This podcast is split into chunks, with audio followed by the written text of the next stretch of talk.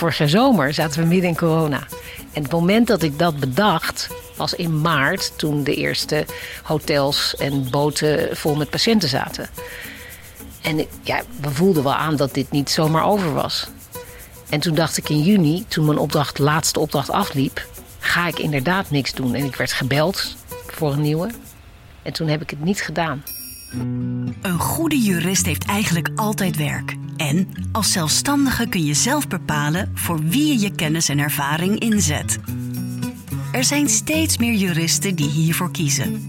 Ze opereren vaak op de achtergrond. Om je kennis te laten maken met deze beroepsgroep in opkomst gaan Marijn Roymans en Erik-Jan Bolsius in de serie Meesterlijke Gesprekken bij ze op bezoek en vragen ze het hemd van het lijf. Van hen horen we wie hun klanten zijn, waarom ze zelfstandig zijn geworden, waar ze wakker van liggen, wat die vrijheid hen brengt en wat niet. Duik met Marijn en Erik Jan in het leven en werk van zelfstandige juristen. Luister naar Meestelijke Gesprekken. De podcast van We Legal Network, mede mogelijk gemaakt door Jurist in Communicatie.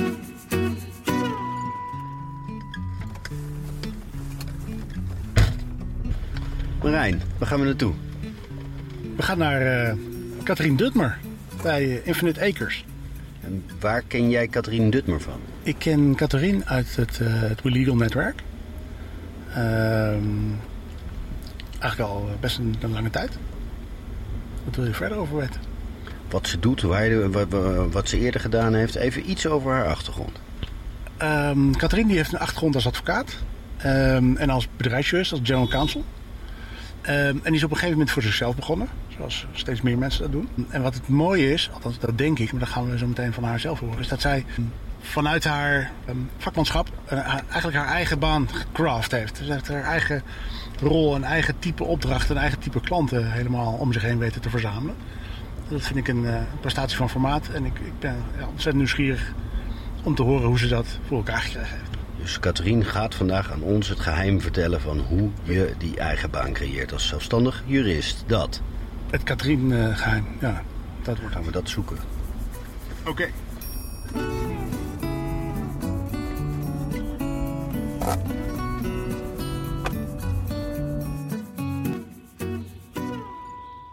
Katrien, waarom denk je dat Infinite Acres jou als general counsel heeft ingehuurd?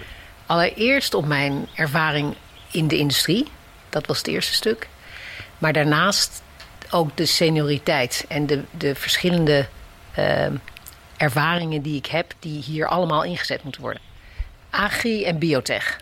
En inmiddels heb ik dat doorgetrokken tot life science. Want alleen agri en biotech, dat levert te weinig werk op.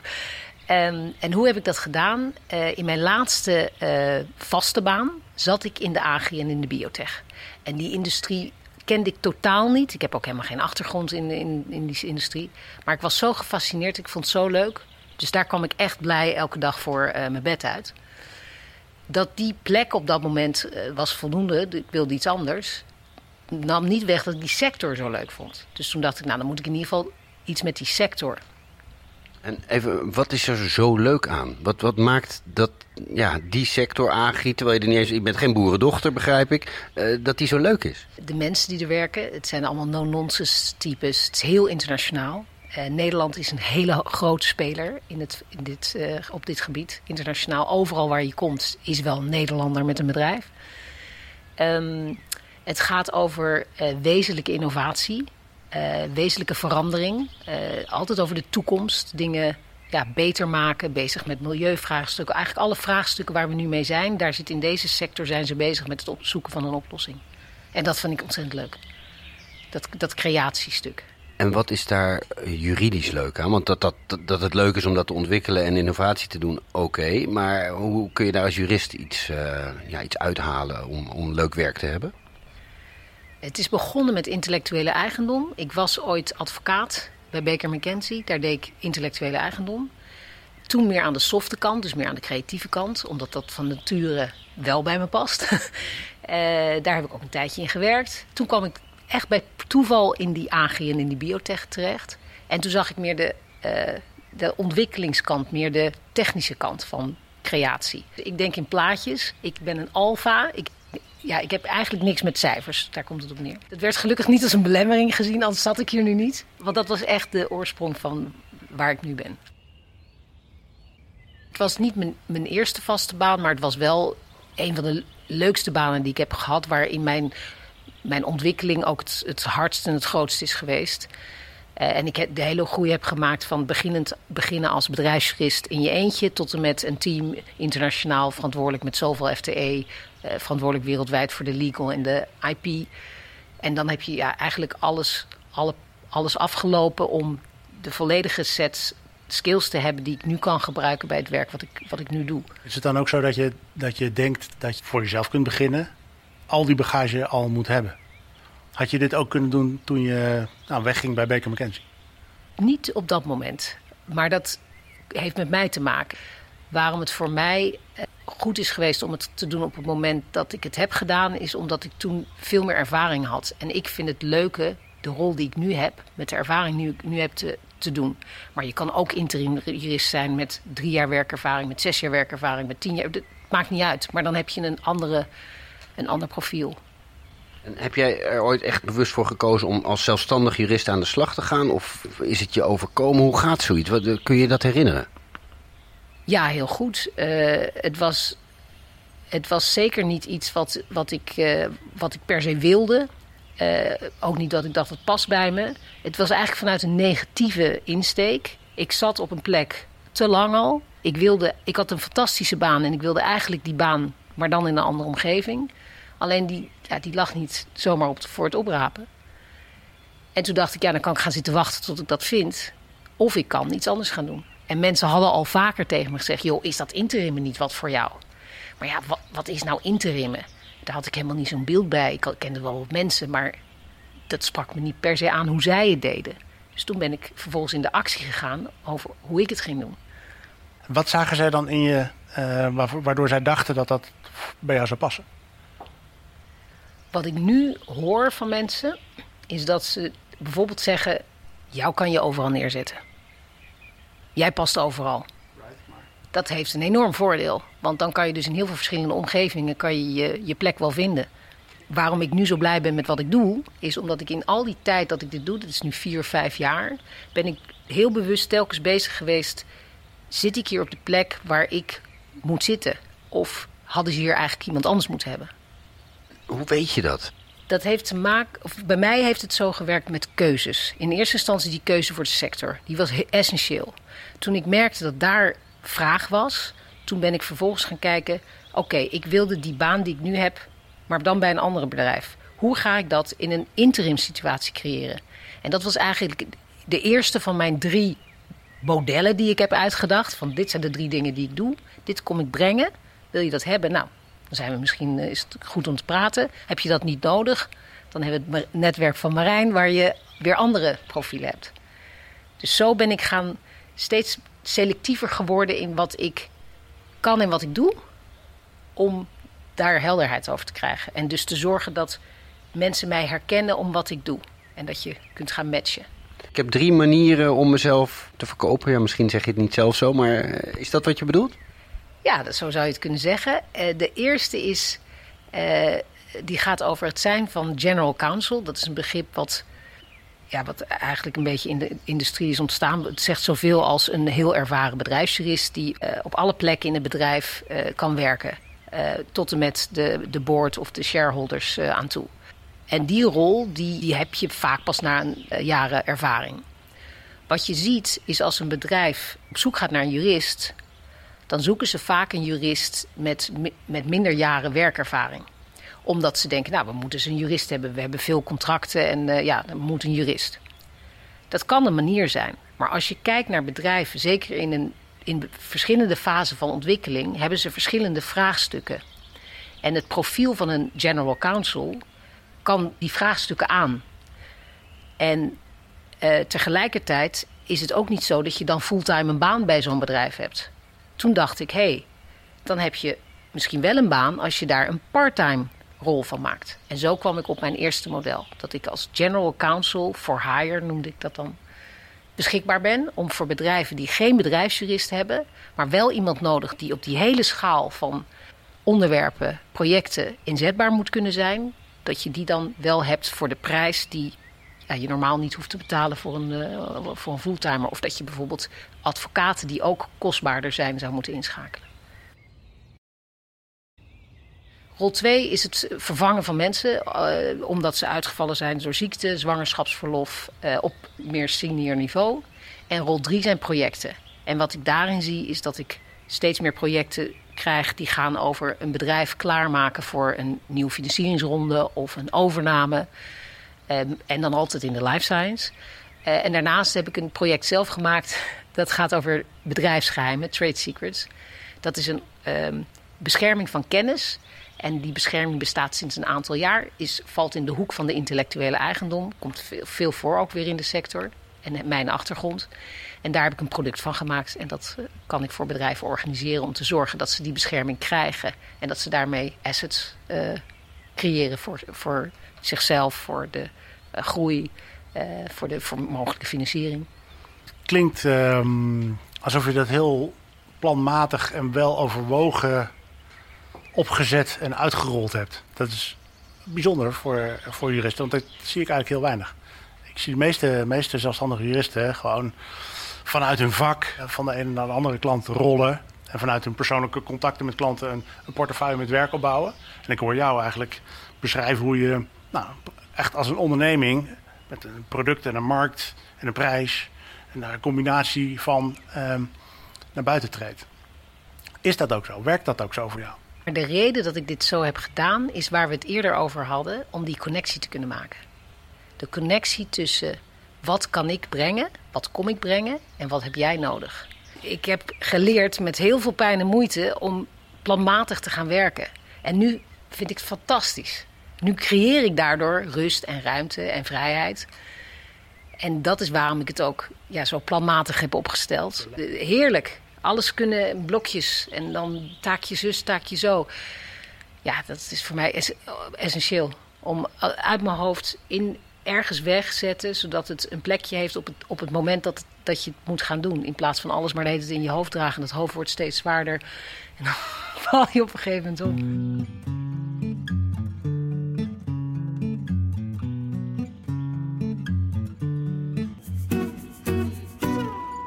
Leg je de lat hoger? En hoe belangrijk is dat geld eigenlijk voor je? Behalve dan dat het je opzweept om nog harder te werken? Het, het is belangrijk in de zin, ik wil de dingen kunnen doen die ik, die ik doe. En, uh, en het is de waardering. Een prijs is ook een, is ook een teken van waardering. En ik heb een prijs en ik heb verschillende prijzen omdat ik daar differentieer, in differentieer. Maar ik zorg altijd dat het vanuit het gevoel van... is dit de waardering die hoort bij dit werk? Zo, zo blijf ik denken. Ik heb uh, vorig jaar een keer bewust drie maanden vrijgenomen. Want ik had gewoon uh, heel veel gewerkt. En bedacht, dit is toch ook interim. Dat je dan gewoon een keer drie maanden vrij mag nemen. En ik zag iemand anders het doen. dacht ik, jeetje, dat is gaaf, dat ga ik ook doen. Dus ik had vorig jaar zomer vrijgenomen. Maar ja, vorig jaar zomer zaten we midden in corona. En het moment dat ik dat bedacht was in maart, toen de eerste hotels en boten vol met patiënten zaten. En ja, we voelden wel aan dat dit niet zomaar over was. En toen dacht ik in juni, toen mijn opdracht, laatste opdracht afliep, ga ik inderdaad niks doen. En ik werd gebeld voor een nieuwe. En toen heb ik het niet gedaan. Ja, dat heb ik niet zo gevoeld, wauw, maar ik heb echt, het ging, het ging puur op gevoel puur op gevoel dat ik dacht, ik heb die beslissing genomen. Dat is wat ik wilde. Daar ga ik aan blijven vasthouden. Ik vind het fantastisch om die zomermaanden zo te hebben gehad. Want juist in die coronatijd was het heerlijk om zo te kunnen zijn. Maar wat gebeurde er op het moment in september dat ik had bedacht, ik ga weer werken. Normaal gesproken word je, werd altijd wel gebeld. Ik was nog met me bezig en dan belden ze alweer. Maar nu bleef het stil. Ja, toen uh, van alles. Uh, niet zo erg, want het is eigenlijk best wel lekker om er nog een maandje bij te plakken. Hmm. Uh, en, en, de reserve heb je ook wel opgebouwd. Maar ja, uh, ik wil ook gewoon weer lekker aan de slag. En ik mis mensen en het was een gekke tijd. Dus toen moest ik allemaal dingen ja, bedenken. Wat ging ik doen? Ik ging heel erg mijn netwerk in. Lunchen, koffie drinken, wandelen. Ik heb heel veel gewandeld. Um, ik ging nieuwe dingen uitproberen, zoals spreker zijn op een internationaal congres online. Ik ging daarvoor eh, skills ontwikkelen, zoals uh, sprekerstechnieken. Uh, ik ben ook met dingen bezig geweest die ik volledig heb losgelaten. ik weet van Marijn, volgens mij is een van jouw credo's... wie schrijft, die blijft. Fantastisch, maar niet voor mij. Ik weet zelfs dat ik bij jou een hele leuke training heb gevolgd... Uh, allemaal vanuit de gedachte, ik vind schrijven toch zo leuk. Nou, dan ga ik dat doen. Ja, ik, ga ik trainen omdat ik het dan denk, dan ga ik het echt doen. En dan kan ik misschien ook nog best oké. En vervolgens gebeurde er telkens niks. Ik had het, wat Marijn had gezegd, blok in je agenda, ook gedaan. Ik ging niet eens zitten achter mijn bureau. Maar het idee was dus, ik ga schrijven zodat ik mezelf online uh, wat beter kan presenteren en, en over mijn vak kan vertellen. En... Het echt als marketinginstrument gebruiken. Maar het gebeurde gewoon niet.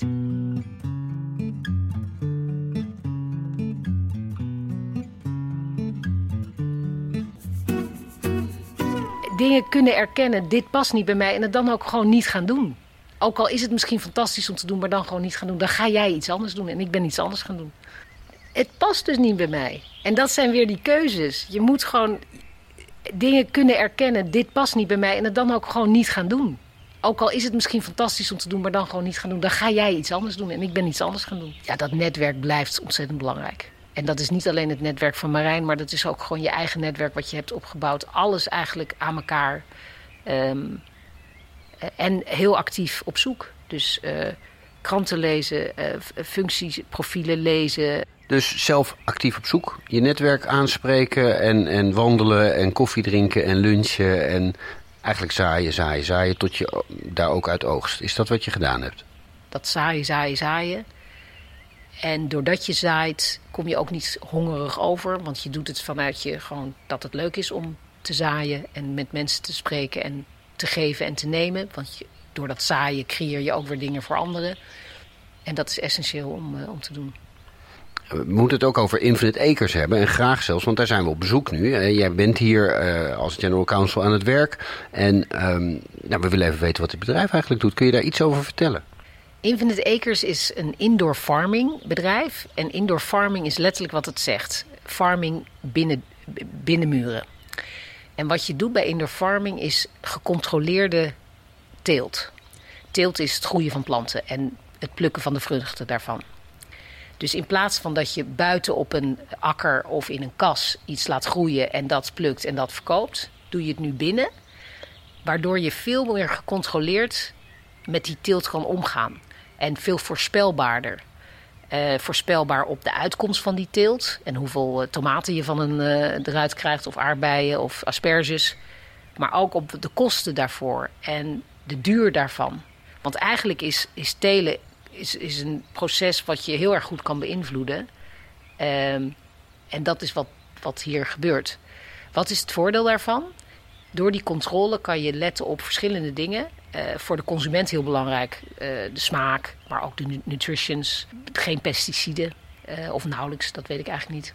Alle vijanden van planten die in de buitenwereld, ziektes die er in de buitenwereld zijn, die kan je binnen weghouden. Um, dus daar hoef je ook geen middelen tegen te gebruiken.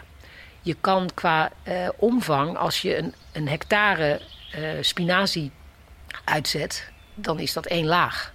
Maar in een grote hal, want dat is wat, wat, ze hier maken. Ze maken uh, containers. Dat is het kleinste model. Gewoon de container die je kent van de, van de vrachtwagen die buiten rijdt. Tot en met 70k, dat is het grootste tot nu toe model wat ze hebben, staat in Amerika. binnen die omvang uh, hebben, ze, hebben ze verschillende lagen, uh, afhankelijk van de plant, uh, boven elkaar. En dan kan je dus van die, als het 1 hectare, laten we het even daarbij houden, kan je dus niet 1 hectare, maar kan je 1 hectare maal 5. Ja, tel op je opbrengst op dezelfde oppervlak. Dus dan heb je en meer opbrengst, veel meer gecontroleerd, zodat je in de hele keten van, de, van distributie en het naar de klant of naar de supermarkt brengen, heel voorspelbaar inzetten. En het kan op alle plekken van de wereld dus, want dat hoeft niet per se op een boerenland te zijn. Het kan op alle plekken van de wereld. En het laatste belangrijke aspect wat ik ben vergeten is dat, zeg maar met de footprint, die we, waar we allemaal zo mee bezig zijn, ja, dat is ook controleerbaar hier. Dus dat maakt ontzettend groot verschil met de uh, conventionele uh, landbouw. Even nog over Infinite Acres uh, vervolg. Um, De vraag daarachteraan natuurlijk, wat doe jij voor ze? Wat, wat zijn de voornaamste juridische klussen die je hier doet? Dat verschilt van projecten die meer op het structureren van het bedrijf liggen tot projecten, ja, check van een NDA. Het is echt alles. Toen ik jou vroeg om langs mocht te komen, vertelde je me dat Infinite Acres een van jouw, dat het een van de leukste klanten tot nu toe is. Um, weet je dat nog dat je dat zei? En ik ben natuurlijk nieuwsgierig. Wat maakt dat nou? Wat maakt dit leuker dan, dan veel anderen? In de eerste plaats in mijn laatste uh, vaste baan, die in, ook in deze sector was, was dit bedrijf, indoor farming, was de toekomst. En om dan nu in die toekomst te werken, dat is fantastisch. En ook omdat die toekomst nog wel even doorgaat en je nu ziet dat het niet allemaal maar uh, glorifying is. Want er zijn nog heel veel dingen die nog opgelost moeten worden. En om daar mee bezig te zijn, om dat, daar onderdeel van uit te maken, dat vind ik fantastisch. Het tweede hele belangrijke punt is de mensen en de sfeer die er hangt. Het zijn allemaal slimme, uh, gedreven mensen die heel graag die toekomst willen neerzetten. Verschillende achtergronden, verschillende nationaliteiten. Dat vind ik heel mooi. Hoe belangrijk is dan dat het, dat het ook ja, even tussen aanhalingstekens goed is voor de wereld? Essentieel. Ik kan me niet voorstellen dat ik, met, zeker met de interesse die ik heb en de ervaring die ik heb om in de lifestyle sector te werken, dat ik in een ander bedrijf zou werken dan dat daarmee bezig is. Want dat is die hele industrie. Nou ja, ik, ik herken dat wel. En ik herken dat ook van mezelf. Ook als je, en ook als je kinderen krijgt en als je, ook als je wat ouder wordt, dan worden dat soort dingen. Uh, tenminste voor mij persoonlijk, uh, zijn die belangrijker geworden dan tien jaar geleden. En, en ik hoor dat bij iedereen, ook van mensen die voor zichzelf beginnen, omdat ze graag zelf willen kiezen voor wie ze uh, werken en met wie. Ja. Ski. Ja. Als je zegt ik wil kiezen voor uh, het soort werk, voor het soort klanten, uh, dan zijn er ook ongetwijfeld momenten geweest waarop dat even niet goed uitpakt. Zijn er wel eens klanten of, of klussen geweest waarvan je terugkijkt en zegt: Oh, is niet goed gedaan, heb ik niet goed gedaan? Of, of was geen goede match? Kun je daar, wil je daar een eerlijk antwoord op geven? Jazeker. Uh, wat heel belangrijk is en wat dus ook wel eens misgaat, is uh, precies dit punt, de match. Bedrijven die een beeld hebben over wat een jurist is en dat al vrij ingevuld hebben en die met mij gaan werken en erachter komen dat ik een ander profiel heb als jurist dan het beeld wat zij hebben, ja, daar kan het misgaan.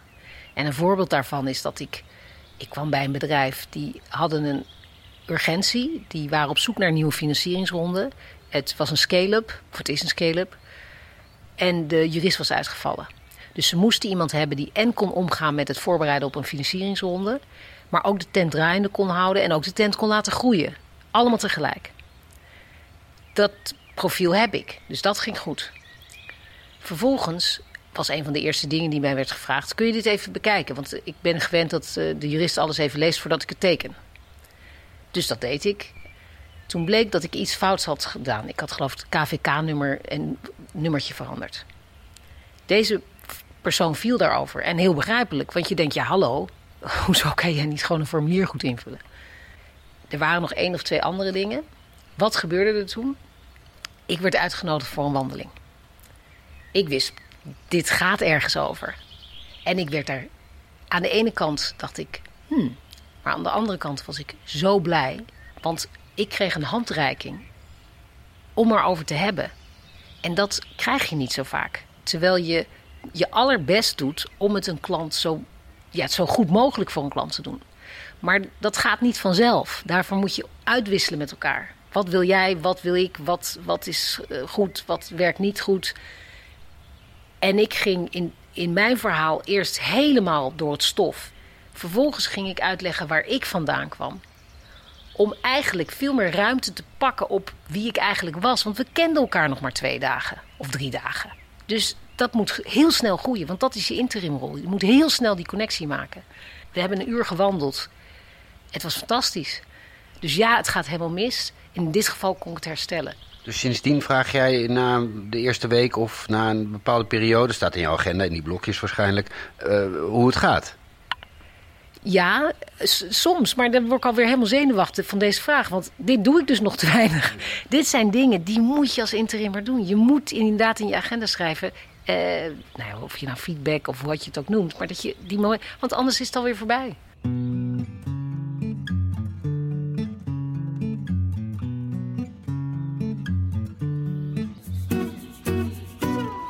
We hadden het er net al even over. En, en ik kom daar op terug als je het goed vindt. eh, over je ondernemerschap. En over dat je, nou, dat je dingen doet, onderneemt, je nek uitsteekt om, om nieuwe klussen, nieuwe klanten te vinden. Wat is het meest bijzondere wat je op dat vlak gedaan hebt? Wat ik in het begin heb gedaan, wat ik niet ieder ander zie doen, laat ik het zo zeggen. Ik had die keuze gemaakt voor life science. Dat was duidelijk. Maar oké, wat, wat dan? Toen ben ik gaan kijken, oké, waar zit life science? Waar zitten die bedrijven? Waar in de wereld gebeurt het? Welke congressen horen daarbij? Toen was er een congres bijvoorbeeld, het waren in Nederland, maar er was er ook een in Amerika. Je hebt nauwelijks nog geld verdiend. Ga je dan helemaal naar Amerika? Wat ga je daar doen? Je kent er geen kip. Er loopt 40.000, een van de grootste congressen, loopt 40.000 man. Wat, eh, wat ga je daar doen? Nou ja, ik dacht in ieder geval leuk tripje naar Amerika. Eh, daar was ik wel vaker geweest, dus in zoverre was het ook weer niet helemaal vreemd. Op dat moment zat ik eh, in een opdracht en was ik zwaar in een onderhandeling op afstand, want het was een Amerikaanse club. Wat bleek, die Amerikaanse club zat in Boston, waar dat congres was. Ik kwam daar bij dat congres en kon dus ook van tevoren vragen: Hey, next week eh, ben ik eh, in Boston, zullen we dan shall we meet? En dat soort dingen is zo fantastisch, want dan ja, was ik daar ineens helemaal niet meer nieuw alleen. Ik had meteen iets te doen. Werd het vergoed? Niet per se, want die hele trip betaal ik natuurlijk zelf. Dus die investering deed ik. Maar wat het me opleverde, A, dat ik die drempel over durfde, dat ik midden in die industrie zat, dat ik ook nog een connectie kon maken met een klant en dat ik daar midden in die toren boven in, in Boston eh, dat verhaal zat te doen. En vervolgens s'avonds die, die vent op een, eh, op een feestje tegenkom. Als je nou niet zo outgoing bent, wat, wat zou je mensen die, eh, die minder socially skillful zijn dan jij adviseren op dat vlak? Probeer de keuzes te maken wat past bij je. Als het voor jou niet werkt om naar een congres te gaan omdat je dan met mensen moet praten, dan moet je dat vooral niet doen. Maar dan kan je bijvoorbeeld doordat je schrijft mensen op een andere manier bereiken. Voor mij is de gouden regel: doe wat bij je past. Want er zijn heel veel verschillende dingen waarop je mensen kunt bereiken. Kijk vooral wat bij je past en ga dat doen. Uh, zoals ik jou nu hoor, is dit jouw bestemming? Is dit jouw carrièrepad? Uh, wat kan jou daar weer van afbrengen van dat pad? Ik weet niet of ik dit nog eindeloos blijf doen, nog tien jaar of misschien zelfs nog twee jaar. En dat zit hem in het feit, in ieder geval de manier hoe ik het doe, kost heel veel energie. Je krijgt er ook heel veel energie van, maar die balans die moet je heel goed in de gaten houden. En dat, daar heb ik heel veel moeite mee. En het lange termijn. Alle opdrachten, of bijna alle opdrachten, zijn toch eindig. En ik ben op zoek naar lange termijn relaties. Internationaal lange termijn relaties. Dat is mijn toekomst. En hoe ik die ga invullen, dat, uh, dat zullen we zien. Zijn er in, in je huidige werk, zijn er dingen waar je van wakker ligt? Mijn pensioen. En zorg in de zin dat ik het gevoel heb dat ik het nog niet geregeld heb. En daar moet je iets mee. Tenminste, ja, als ik over op mijn zeventig nog gelukkig uh, en gezond ben dan, en niet meer wil werken, dan moet ik daar iets mee. Hoe doen andere netwerkleden dat? Ik zie verschillende manieren. Mensen die gewoon geld verdienen, oppotten. Mensen die huizen kopen. Er zitten best wel wat kleine vastgoedbeleggers tussen. Ik sprak iemand die belegt in sieraden, want die kun je altijd meenemen. Hoef je niet op te geven voor de belastingdienst. Ja, je bedenkt het niet. Um, mensen die het in aandelen stoppen, mensen die het in pensioenfondsen stoppen. Maar wat jij zegt, wat daar eigenlijk onder ligt, is wat ik bij veel anderen ook hoor, is, is het gevoel van ik weet niet of ik wel genoeg opbouw. En hoe, kan, hoe lang kan ik hiermee door? En, en leg ik een fundament voor toekomstige, niet alleen werk, maar ook toekomstig werk wat ik gaaf vind. En dat is een, een uitdaging die iedereen op enig moment tegenkomt. Even los van de belegging uh, en, de, en de pensioensfeer, maar gewoon in het langdurig leuk werk uh, hebben. Uh, zouden voor zelfstandige juristen heel goed zouden kunnen liggen in het verschuiven van je, van je praktijk van het waarnemen of het tijdelijk interveneren bij bedrijven naar meer langdurige betrokkenheid bij dit soort partijen. Want ik denk dat heel veel partijen zoals deze waar je nu voor werkt, maar ook andere, heel veel baat kunnen hebben bij een langdurige samenwerking met je bijna alle bedrijven hebben ook langdurige relaties met advocatenkantoren. Uh, met partners van advocatenkantoren. En ik, ik kan met de beste wereld, uh, wil van de wereld niet ontdekken waarom dat per se een advocaat zou moeten zijn. Jij kan net zo goed een trusted, misschien wel beter een trusted advisor zijn voor een directie, voor langere termijn. dan iemand die alleen maar van achter zijn bureau in een advocaatkantoor werkt. Omdat, juist, om, juist omdat je in die bedrijven hebt gezeten. En ik denk niet dat zich dat heel makkelijk laat vermarkten. Maar ik denk dat door die persoonlijke aanpak, aanpak die je al doet, hè, die persoonlijke relaties, dat je die, dat je, als je daar wat meer op lange termijn zou sturen, dat dat best zou kunnen werken. Maar dan hou je dus wel die zelfstandige rol. In plaats van wat je zegt, eh, ik moet lange termijn relaties weer in een vaste positie zien te ontwikkelen. Kun je dus ook zeggen, nee, ik kan wel degelijk voor tien jaar vooruit bij één opdrachtgever. Je zou natuurlijk ook gewoon uh, het merk Catherine kunnen uitbouwen en iemand aannemen. En nog iemand aannemen, en nog iemand aannemen. Ik heb wel eens nagedacht over het bouwen van een bedrijf. Ik heb wel eens nagedacht over het bouwen van een bedrijf rondom die trade secrets. Omdat dat echt nou, best hot, hot is op het moment. Het andere model, wat ik zelf heel leuk vind, de General Counsel for Hire. Daar heb ik ook over nagedacht. Hoe kan ik dat nou uitbouwen? En dan zou je dus meer uitbreiden qua mensen. Hoe maak je daar een product van? Nou, dat zijn dan vragen die me bezighouden. Heb je dromen in je werk? Lange termijn dat ik in Afrika uh, in mijn eigen huis zit, zelf gebouwd, met de centjes die ik heb verdiend. Genietend van een fantastisch werkleven, samen met mijn familie, met mijn gezin en met alle mensen die ik in dat werkleven, die ik daar kan uitnodigen, die ik heb ontmoet. Uitkijkend over de steppen met de beesten. Tweede droom? Verdieping in relatie voor de lange termijn. Dat ik bij een groot internationaal bedrijf werk voor langere tijd. Want mijn drijfveer is niet zozeer dat het juridische antwoord perfect is, maar dat het iets toevoegt aan de balans of aan de winst. Hoe je het maar noemt, bedrijfstechnisch gezien. Maar dat is wat mij drijft. Ik wil dat het bedrijf groeit. Ik wil dat het bedrijf succesvol wordt. En dat ze nog beter worden in wat ze doen. En dat de mensen er blij van worden. Dat het iets toevoegt aan, aan de wereld. Dat is mijn drijfveer. En daar draag ik aan bij.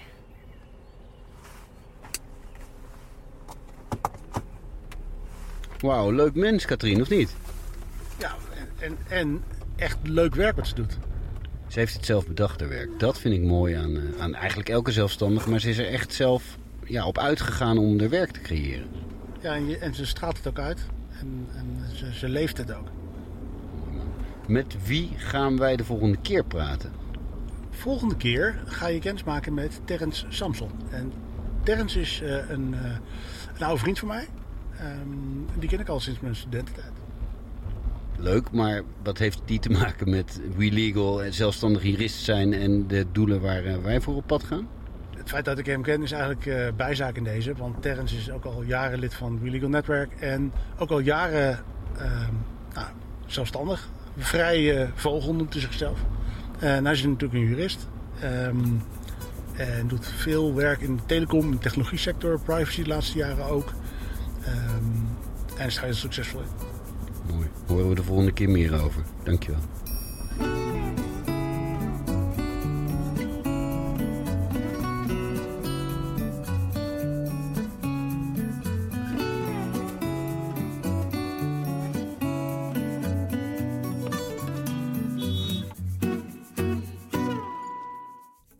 Je luisterde naar een podcast Meestelijke Gesprekken. Initiatief van WeLegal in samenwerking met Juristing Communicatie. De productie was in handen van Audiodroom Podcast Producties. Wil je reageren? Dat kan via podcast.welegal.nl.